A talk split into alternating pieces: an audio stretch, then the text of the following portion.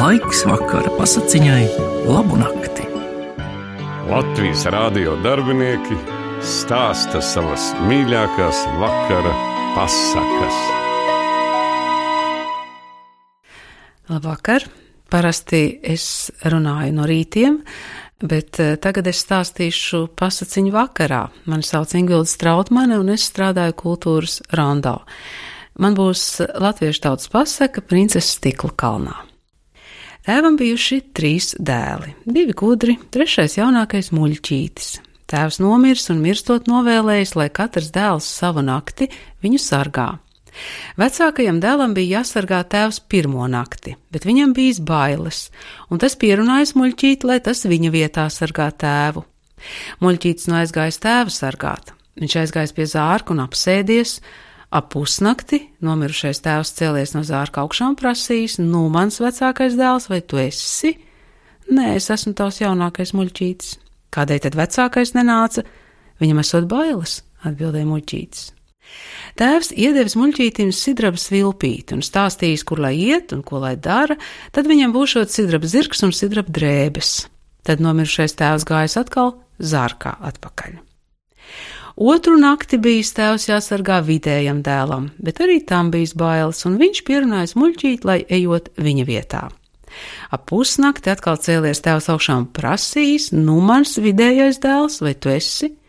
Nē, es esmu muļķītis. Vai vidējam dēlam ar no manas bailes? Jā, atbildēs muļķītis. Tēvs iedevis muļķītim zelta svilpīti un pasakījis, ja ar viņu svilpošot, tad dabūšot zelta zirgu un zelta drēbes. Trešo nakti mirušais tēvs bijis jāsargā muļķītim pašam. Viņš aizgājis pie tēva zārka un lasījis bībeli. Ap pusnakti atkal nomirušais tēvs cēlies augšā un prasījis: Nu, mans jaunākais, vai tu esi? Jā, es esmu tavs jaunākais, muļķītis šis atbildējis. Nu, tēvs muļķītim iedevis dimanta svilpītu un dimanta ābolu. Kad ar svilpīti svilpšot, tad šis dabūšot dimanta zirgu un dimanta drēbes. Pēc kāda laika viens ķēniņš izlaida ziņu, ka viņš savu meitu atdos tam par sievu, kas uzjās pēc viņas stikla kalnā. Nu, no visām malām sajājuši ķēniņu dēlu un augstmaņu, bet neviens nevarējis uzjāt stikla kalnā. Arī muļķītis dabūjis to ziņu dzirdēt, viņš nodomājis izmēģināt roku, jo arī vidējais un vecākais brālis aizjājuši uz stikla kalnu. Mātei gan viņš nedrīkstējis savu nodomu stāstīt, jo zinājis, ka viņa nelaidīs un melojas, māmiņa laid man sēņot. Un jā, māte laidus un iedavusi groziņu, muļķītis aizgājis uz mežu, uzmeklējis lazdu krūmu, kā tēvs tam teicis, un svilpis ar sidrabu svilpīti. Tūliņ arī bija klāts sidraba zirgs un sidraba drēbes, muļķītis apģērbies sidraba drēbēs, uzkāpa zirgam mugurā, un tas bija pēc īsta prinča. Muļķītis piejājas pie stikla kalna, uzjājas līdz trešdaļai un paklanījies princesei Tad viņš aizjājis atpakaļ pie lazdu krūma un atkal svilpis. Tūdaļ zirgs un sidrabdrēbes pazudušas. Muļķītis pielauzis uz ātru roku sēnes, kādas gadījušās, un gājis uz māju. Māte saņēmusi sēnes un sākus ķīvēties, nu muļķis paliek muļķis, kur tad es tārpainas sēnes likšu? Muļķītis nesacīja nekā un gāja pie miera. Otrā dienā atkal prinči un augstmaņi jājuši stikla kalnā, arī vecākais ar vidējo brāli aizjājuši, bet neviens nevarēja kalnā uzjāt. Muļķītis atkal aizgājis uz mežu sēņot. Viņš piegājis pie lāzdu krūmu un svilpis ar zelta svilpi.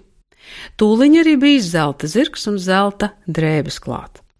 Muļķītis uzjājas ar zelta zirgu līdz puskalnam, paklanījies pret princesi un jājas atpakaļ. Mežā muļķītis pielauzis sēnes, kādas vien gadījušās, un gājis uz māju. Mājā atkal māte ķīvējusies, ka viņš pielauzis stārpainas sēnes. Muļķītis nesacīs nekā un gājis tik pie miera. Atnākuši abi vecākie brāļi un stāstījuši mātei, ja tu zinātu, cik skaists princis jāja, viņam bija zelta drēbes un zelta zirgs, bet arī viņš līdz puskalnam vien tika. Trešā dienā atkal prinču un augstmaņi jājuši stikla kalnā. Arī vecākais un vidējais brālis aizjāja. Muļķītis mātei atkal prasījies uz mežu sēņot, bet māte to negribējusi laist, jo muļķītis tārpainas sēnes vien mājās nesis. Beidzot, muļķītis tomēr izmānījies no mājas un aizgājis uz mežu. Pie lazdu krūma muļķītis svilps ar dimanta svilpīti, un tūliņ arī bijis dimanta zirgs un dimanta drēbes klāta. Muļķītis aizjājis pie kalna. Tur bija daudz jātnieku, bet neviens nevarēja kalnā uzjāt. Muļķītis jājas un uzjājas kalnā. Dimanta ābolu viņš iesviedz princesē klēpī. Princese noskūpstījusi muļķīti un iespiedus tam pierē sidraba zvaigzni. Muļķītis nojājis no kalna un aizgājis uz mežu. Pie lazdu krūma viņš svilps ar dimantu svilpīti, un zirgs un drēbes uzreiz pazudušas. Muļķītis pielauzis pilnu groziņu sēņu un gājis uz māju, viņš ielīdz tumšā kaktā un apsēst vielu ap galvu, nāk uz mātu un prasījusi, kas tad tev, ka to galvu esi satinis? Galva sāp, atbildējis muļķītis. Nu, zdēj pie miera. Atnākuši arī brāļi, un tie mātei stāstījuši par princi, kurš uzjājas ar dimantu zirgu stikla kalnā un pats pazudis. Ķēniņš izsūtījis savus sulaiņus pa zemju zemēm un līdz tiem meklēt rokā to jātnieku, kam pierēs sidraba zvaigzne, jo tas esot princeses brūdgānis. Nekur tādu nevarēja atrast. Kāds ķēniņa sulainis ienācis arī muļķīšu mātes mājā un līdz, lai rāda visus dēlus. Vecākais un vidējais brālis iznākuši no istabas un parādījušies. Tiem nebija pierējusi sidraba zvaigzne. Muļķītis gulēja tumšā kaktā un nevienam nerādījās. Tad ķēniņa sulēns mātei prasīja, kur tad tavs trešais dēls?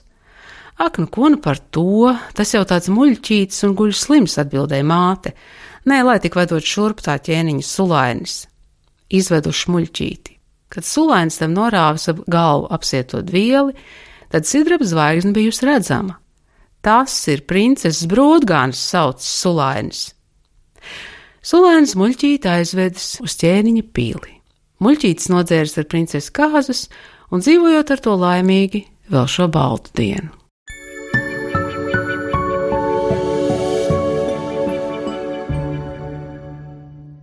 Latviešu tautas pasaku princese Stikla kalnā lasīja Ingvilda Strautmane, bet tagad ar labu nakti!